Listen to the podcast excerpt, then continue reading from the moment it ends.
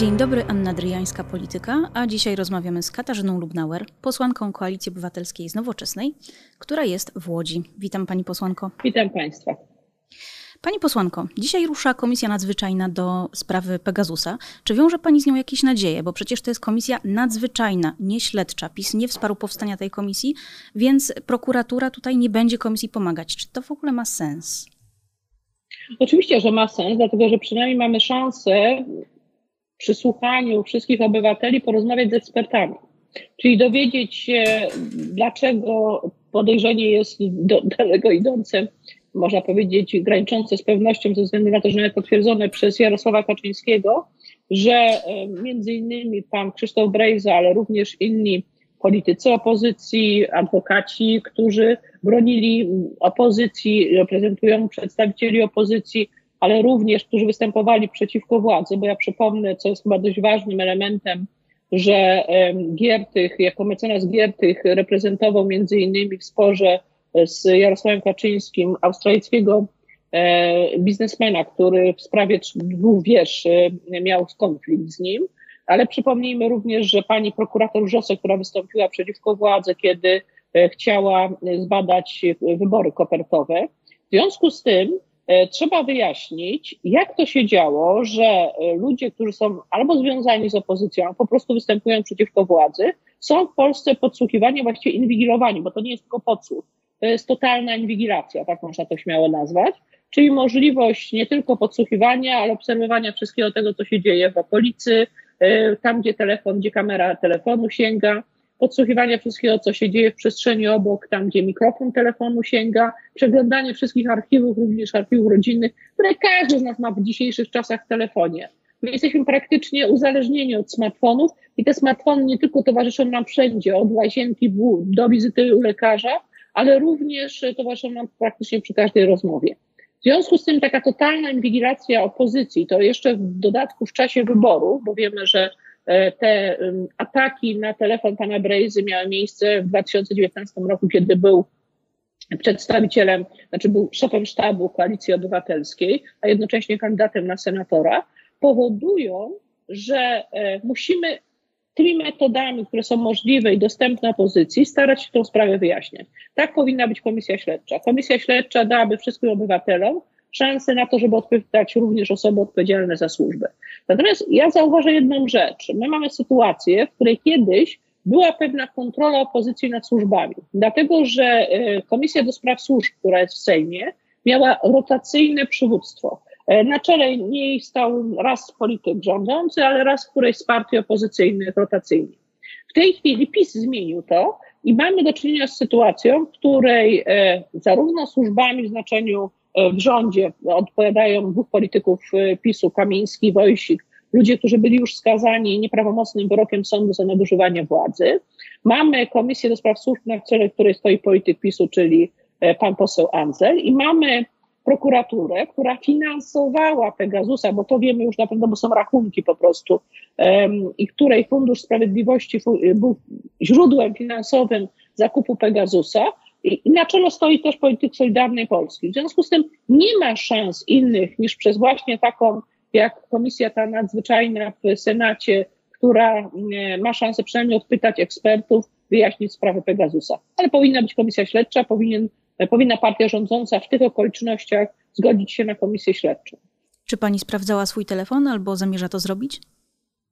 Zastanawiałam się nad tym, ale wie pani, nawet tak czysto po ludzku. Każdy z nas, mam wrażenie, że niespecjalnie by chciał wiedzieć, że był we wszystkich sytuacjach, nawet nazwijmy to intymnych, inwigilowany przez e, państwo że gdzieś tam gumowe ucho e, polskich e, służb nadzorowanych przez Kamińskiego i Wąsika, którzy wiemy, że mają takie skłonności, podsłuchiwały go i wtedy, kiedy był lekarza, i wtedy, kiedy był w łazience.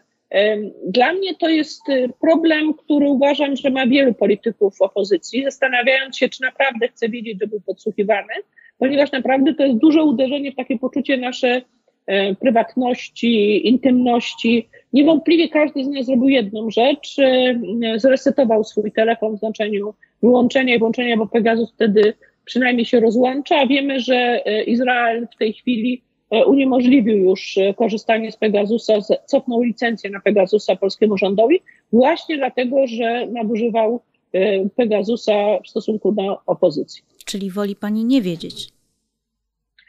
Myślę, że czasami lepiej nie wiedzieć, ale waham się. To znaczy być może rzeczywiście potem. Ja przypomnę, że ja wtedy byłam liderem e, jednej z partii opozycyjnych, e, ponieważ tworzyliśmy tę koalicję obywatelską, Grzegorz Schetyna, Barbara Nowacka i ja.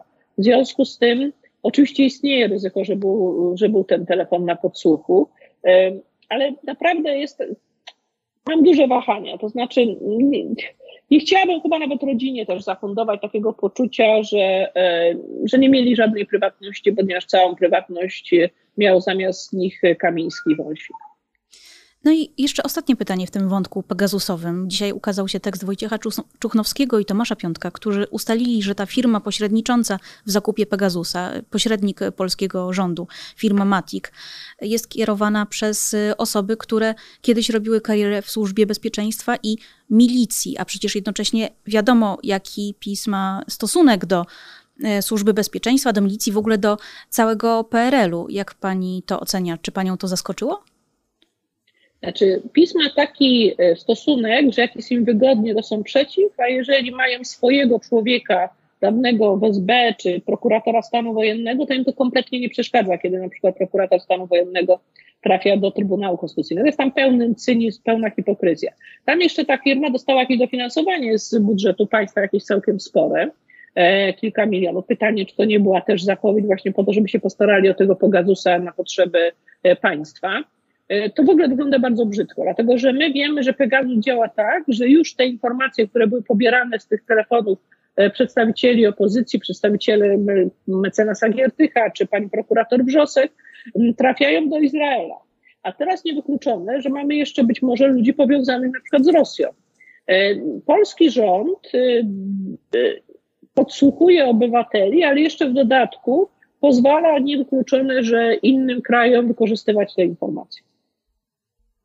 Przejdźmy do Polskiego Ładu. E, czy wpisała sobie pani, i tu cytat, bezrefleksyjną krytykę Polskiego Ładu na listę postanowień noworocznych. Koniec cytatu. Bo tak odpowiada krytykom premier Mateusz Morawiecki. Mówi, że ta krytyka jest bezrefleksyjna i że no, ma taki rytualny charakter. Jak, co pani na to? Ja przepraszam, bo ja sobie posłużę się tutaj cytatem, żeby nie, ten, nie przekręcić tego. Dzisiaj jest y, w sieci, w sieci właśnie to się chyba w tej chwili nazywa, wywiad z panem e, ministrem finansów Kościńskim. I on mówi w ten sposób: Zderzyliśmy się z rzeczywistością.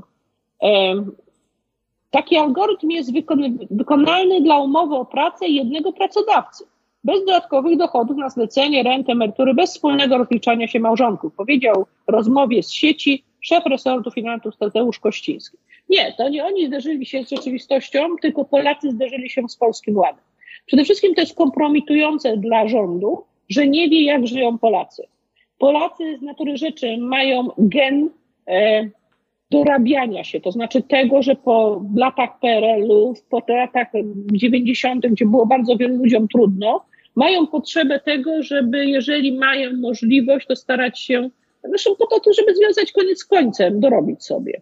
Czyli mamy emerytów, którzy dodatkowo pracują, czy na zlecenia, czy na umowę o dzieło, czy po prostu mają swoją działalność. Mamy ludzi, którzy są na umowie o pracę, a jednocześnie biorą jakieś umowy o dzieło, czy umowy zlecenia. Mamy nauczycieli, którzy zarabiają sobie, mają swoją działalność, prowadząc korepetycje. To, że rządzący w ogóle z tego sobie nie zdają sprawy, kompromituje ich ostatecznie. Prawdopodobnie jest, wszystko z tego wynika też, to bardzo ładnie pokazuje między innymi E, pani Alicja Defratyka, e, że e, liczby im się za cholerę nie zgadzają. Czyli okazuje się, że liczba osób, które skorzystały na Polskim Ładzie jest zapewne znacznie, znacznie wyższa, a liczba osób, które są poszkodowane na Polskim Ładzie jest znacznie, znacznie wyższa. Na przykład emeryci, ci mieli być wprost beneficjentami Polskiego Ładu. Po to znaczy niższa jest liczba osób, które skorzystały, tak? Niższa jest liczba Proszę? osób, które skorzystały, bo dwa razy użyła tak. Pani słowa wyższa. Liczba nie, osób... nie, mówię, że wyższa jest e, liczba osób, które e, stracą.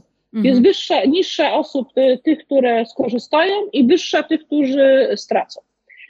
Natomiast na przykład emeryci. Bardzo wielu z nich, tych, którzy mają najniższą emeryturę, dużo więcej otrzymywało w wyniku 14 emerytury, niż otrzyma dzięki temu, że zostanie ciut więcej z podatku. Co to oznacza? Oznacza, że oni w stosunku do roku 2021 będą tu ważnie stratni. Osoby, które dostają rentę, tą najniższą rentę, takie renty, które um, pozwalają na dochody rzędu w, w skali roku 11 tysięcy, które poprzednio były już zwolnione z podatku, one otrzymywały 14 emeryturę, która była jakimś tam silnym dla nich wsparciem. Tej chwili mają tego nie dostać, natomiast dla nich Polski Ład jest wręcz neutralny, nie zyskują nic. I to rzeczywiście zostało też pokazane. W związku z tym powoli liczba osób tych, które mają szansę zyskać na Polskim Ładzie, nie wiem, ogranicza się do bardzo małej grupy ludzi, którzy zostaną jednocześnie poszkodowani przez drożyznę, ponieważ Polski Ład ze względu na to, że bardzo silnie uderza w przedsiębiorców, ma silnie proinflacyjny charakter. Czy pani wie, jakie podatki zapłaci w tym miesiącu? Nie, nie wiem. Kolega mnie wczoraj spytał, ile my stracimy na Polskim Ładzie. Powiedziałam mu, że nie mam zielonego pojęcia. I mam wrażenie, że właśnie to jest problem, że dlatego protestują kolejne organizacje związkowe w Krajowej Administracji Skarbowej. Teraz była Solidarność, ale również taki y, chyba związany z OPZZ-em związek, a poprzednio jeszcze jakiś związek że oni odmawiają szkoleń dla, y, dla księgowych, bo oni oczekują, że najpierw ktoś ich wyszkoli na tyle, żeby oni mieli zielone pojęcie, y, jak rozliczać Polski Ład i co tłumaczyć ludziom. Y, polski Ład jest tak źle skonstruowany, że można nazwać go śmiało albo polskim wałem, albo polskim bałaganem, ponieważ on w ogóle nie jest dostosowany do sposobu życia Polaków. To, co już powiedziałam, na przykład nawet Kościński przyznaje, że nie przewidzieli tego, że Polacy funkcjonują w bardzo różnych układach, a nie tylko na umowę o pracę. Chyba trzeba być naprawdę z innego kraju, żeby przewidywać, że większość Polaków pracuje na umowę o pracę i to jest mm, e, wszystko, co, i to jest najłatwiejszy sposób ich e, opodatkowania. Ale e, nikt z nas nawet nie umie powiedzieć, czy zyska, czy straci na Polskim Ładzie. Kiedy człowiek kiedyś spytano go, jaki zapłaci podatek, to ten algorytm był na tyle łatwy, że każdy mógł sobie sam policzyć. Natomiast po Polskim Ładzie, po zmianie Polskiego Ładu, on jest tak skomplikowany, że nawet Krajowa Administracja Skarbowa ma problem z odpowiedzeniem na Pani pytanie. A co pani sądzi o samej zasadzie? Bo to, że jest chaos, to, że jest bałagan, to jest ewidentne i widzą to wszyscy, niezależnie od przynależności partyjnej czy od sympatii. Natomiast sama zasada, to, żeby była solidarność społeczna, żeby osoby zarabiające bardzo dobrze lub świetnie bardziej dzieliły się z osobami, które zarabiają źle i bardzo źle. Co pani na to?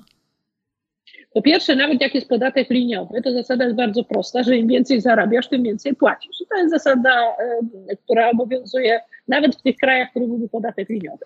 U nas nigdy nie było podatku liniowego, były trzy albo dwie skale podatkowe, progi podatkowe. E, jeżeli PiS chciał zrobić progresję, to trzeba było znacząco zwiększyć kwotę wolną, a potem najwyżej wprowadzić kolejny próg podatkowy. Być może jeszcze przesunąć pierwszy i drugi ze względu na to, że w momencie, w którym on był wprowadzany, ludzie zupełnie zarabiali na innym poziomie. Natomiast y, przez to, że próbowali oszukać Polaków poprzez fakt, że zlikwidowali tak naprawdę kwotę wolną, bo wprowadzając składkę zdrowotną od wszystkich, nawet od tych najmniej zarabiających, doprowadzili do sytuacji, w której nawet emeryt nie ma kwoty wolnej, tylko ma 9% pierwszy, y, pierwszą składkę, pierwszy, pierwszą kwotę podatkową, która jest składką zdrowotną. E, doprowadzili do sytuacji, w której potem musieli zacząć wyrównywać, bo zbyt duża liczba osób traciła i wprowadzili kuriozum, czyli e, ulgę dla klasy średniej, która jest tak naprawdę, śmiałam się kiedyś, że łatwiej byłoby wyjaśnić e, zasadę nieoznaczoności Heisenberga niż zasady działania ulgi dla klasy średniej. Z tej ulgi wychodzą różne bzdury. Dlatego, że jeżeli już robimy te obciążenia, to one powinny jakiś mieć sens, to znaczy być równo, równomiernie rozłożone, że rzeczywiście im trochę lepiej zarabiam, to mam to obciążenie większe. Ten system, który wprowadzono, zaburza wszystkie, że tak powiem, e, wszystkie sensowne rozwiązania i wszystkie e, logiczne rozwiązania. Co rząd powinien zrobić? Zapewne wycofać się z dalszych zmian i dalszej rewolucji i zostawić tylko kwotę wolną. E, pytanie, biorąc pod uwagę, ile w tej chwili muszą w różny sposób teraz naprawiać, zapewne wyszłoby, że to rozwiązanie jest po prostu najtańsze. Czyli zostawić kwotę wolną, a nie ruszać reszty. To jest chyba ten moment, kiedy powinnam pozdrowić swoją księgową i chyba w ogóle wszystkich księgowych. Trzymajcie się. Tak, pozdrawiamy wszystkich księgowych. Nie dosyć, że macie bardzo trudne zadanie, to jeszcze rząd będzie was traktował w tej chwili jako wrogów, którzy nie potrafią sobie zradzić, poradzić z Polskim Ładem. W momencie, w którym pracownicy kasu mówią, że oni też mają z tym problem. Przejdźmy do innej kwestii, do pandemii. W piątek gruchnęła informacja, że z Rady Medycznej odchodzi 13 z 17 osób, no czyli praktycznie ta rada się rozpadła, przestała istnieć, no można używać różnych określeń. Jednocześnie dzisiaj Waldemar Kraska, wiceminister zdrowia, zapewnia, że rząd nie ma paraliżu decyzyjnego w sprawie pandemii. Jaka jest Pani opinia w tej sprawie? Ponieważ rząd nic nie robi, więc trudno mówić o paraliżu decyzyjnym. Po prostu e, nic nie robienie stało się modelem walki polskim z pandemią. Zauważmy, że e, w żadnym momencie mm, od dłuższego czasu Rada Medyczna przy premierze nie apelowała na przykład o lockdown. To nie jest tak, że ta Rada Medyczna nie zdawała sobie sprawy z uwarunkowań również finansowych, ekonomicznych. To, co oni proponowali, to jest rozwiązanie, które nie powoduje strat ekonomicznych. Proponowali, żeby paszporty covidowe były wymagane w różnych miejscach oraz żeby były obowiązkowe szczepienia pewnych grup zawodowych.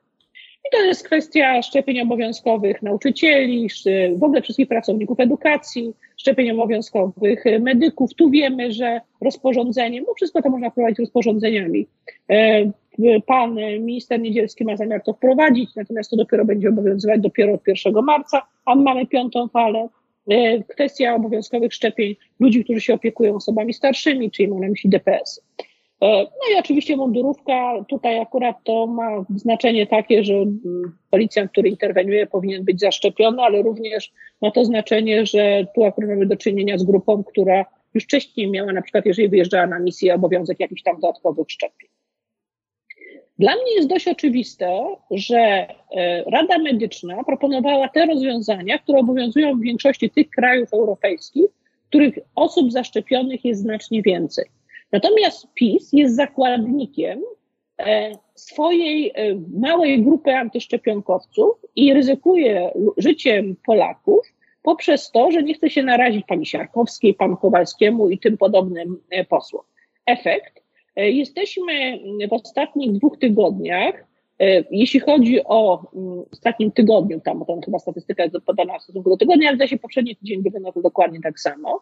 Jesteśmy drugim krajem w Unii Europejskiej po Bułgarii, jeśli chodzi o liczbę zgonów na milion mieszkańców, czyli już przeliczoną w stosunku do wielkości, i regularnie mieścimy się na podium, jeżeli idzie o bezwzględną ilość zgonów. To jest najzwykle przed nami są Stany Zjednoczone i Rosja, i potem zajmujemy trzecie miejsce, czasami chyba jeszcze Indie przed nas wchodzą, jeśli chodzi o liczbę zgonów. Zauważmy, że Stany Zjednoczone, Rosja, Indie to są ogromne kraje z dużo większą liczbą mieszkańców niż Polska. A mimo to umiera ilość Polaków proporcjonalna do, znaczy porównywalna do tamtych krajów. 100 tysięcy zgonów w zeszłym tygodniu, które minęliśmy, bardzo szybko idziemy dalej. E, prawdopodobnie około 180, ponad 180 tysięcy zgonów w ogóle programowych w ciągu ostatnich dwóch lat. Osób, które nie tylko zmarły z powodu COVID-u, ale również które zmarły z tego powodu, że e, nie uzyskały pomocy lekarskiej przy innych chorobach.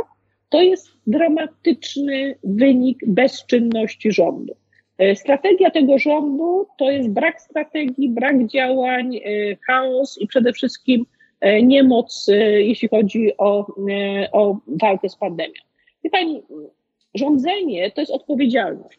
Odpowiedzialność czasami podejmowanie decyzji, które nie spodobają się wszystkim członkom danej partii czy wszystkim jej wyborcom. I ta odwaga jest niezbędna w tej chwili. Natomiast mamy rząd, który nie tylko jest tchórzliwy, ale który e, nie potrafi e, mm, wziąć na siebie odpowiedzialności w ogóle za działania związane z pandemią. Zauważmy, że PiS, nawet jeśli chodzi o rozwój, dlaczego ta Rada Medyczna odeszła?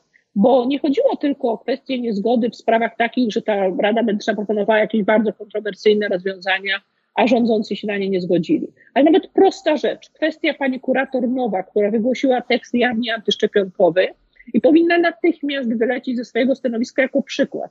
Jako przykład tego, że ten rząd nie toleruje takich zachowań wśród urzędników państwowych i jako przykład tego, że rządowi zależy na tym, żeby Polacy się szczepili. Tak postąpił rząd australijski w dużo bardziej kontrowersyjnej sytuacji, bo w sytuacji Nowaka Dziokowicza, który mm, został deportowany, ponieważ się nie szczepił i nie może wziąć udziału w, w rozgrywkach e, w Australii. Natomiast co zrobił polski rząd? Obronił panią Nowak, więc odeszło 13 z 17 e, członków Rady Medycznej przy premierze. Myślę, że to był taki jeden z tych, e, z ty, z ta, ten, ten fragment, który przeważył ich decyzję, bo oni się poczuli zupełnie niemocni, jak się okazało, że oni przegrywają nawet z panią kurator Nowak. Czy koalicja obywatelska jest za obowiązkowymi szczepieniami? Pytam, bo nie wiem, czy zdaje sobie pani sprawę, czy ma pani w otoczeniu takie osoby. Są osoby, które uwierzyły w antyszczepionkową e, propagandę i one się po prostu boją. Boją się. Ich, tych osób jest mniej niż nam się wydaje. Natomiast ja uważam, że po pierwsze trzeba było podjąć decyzję dużo wcześniej, wtedy to podejmowała Francja, w sprawie wykorzystania paszportów covidowych.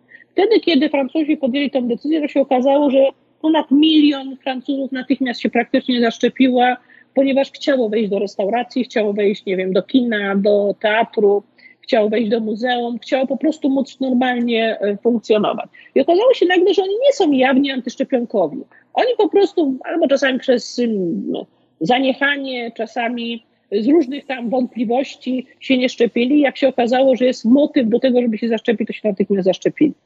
Dlatego ja uważam, że e, obowiązkowe szczepienia dla wszystkich to jest już tak zwana bomba atomowa. Natomiast powinno się wykorzystać wszystkie inne narzędzia. Po pierwsze, obowiązkowe szczepienie określonych grup zawodowych. Być może będzie konieczność w momencie obowiązkowych szczepień dla pewnych grup wiekowych również, tych, którzy są najbardziej narażeni. E, po trzecie, właśnie wykorzystanie, mm, czy po drugie, wykorzystanie paszportów covidowych przy wejściu do każdego miejsca publicznego. Natomiast dlaczego ja nie jestem e, zwolennikiem obowiązkowych szczepień na COVID-19 dla wszystkich? Dlatego, że my mamy już w tej chwili problem z bardzo silnie narastającym działaniem tych grup antyszczepionkowych, które nie dotyczą tylko COVID-19, ale również szczepień obowiązkowych dla dzieci. Zaczynamy wchodzić w niebezpieczny poziom, który powoduje, że my w niektórych, e, przy niektórych chorobach nie będziemy mieli odporności populacyjnej dzieci. My mamy takie choroby, które już praktycznie nie pamiętamy jej skutków, jak polio, jak Medina, e, jak e, cztusiec, e, ale są kraje, których znowu się pojawia zagrożenie i ono może przyjść też do Polski, jeżeli polskie dzieci nie będą wyszczepione. Ja akurat mam to doświadczenie, że u mnie na Hajna Medina w dzieciństwie chorował mój stryjek i e, ja muszę powiedzieć, że pamiętam go jako osobę niepełnosprawną. Już nie żyje, ale pamiętam go do końca jego życia jako osobę niepełnosprawną, co było skutkiem tej choroby. Takich osób, które przeszły tą hajnę medinę w dzieciństwie, jest więcej, na przykład Janka Chochojska jest takim przykładem. W związku z tym skutki jej bywają tragiczne. Pamiętamy ludzi, którzy żyli całe życie w tym żelaznym płucu, prawda, które oddychało za nich. To wszystko są skutki hajny mediny. I to fakt, że teraz dzieci nie chorują, wynika z faktu, że mamy obowiązkowe szczepienia dla dzieci, których dość powszechnie rodzice korzystali. Natomiast w momencie, w którym narastają silne ruchy antyszczepionkowe, to niestety odbija się to też na szczepieniach dzieci. I dlatego w tym znaczeniu wolałabym, żebyśmy nie wykorzystywali e, bomby atomowej, bo e, możemy zadziałać niekorzystnie również na szczepienia dotyczące dzieci. Po prostu zwiększy się liczba tych osób, tak jak kiedyś Ratujmy Maluchy wywaliło obowiązek szczepień, obowiązek chodzenia do e, dzieci sześcioletnich do szkół, które powinny mieć obowiązek edukacji, ale można to było wprowadzić w ten sposób, żeby nie spowodować takiego silnego oporu społecznego.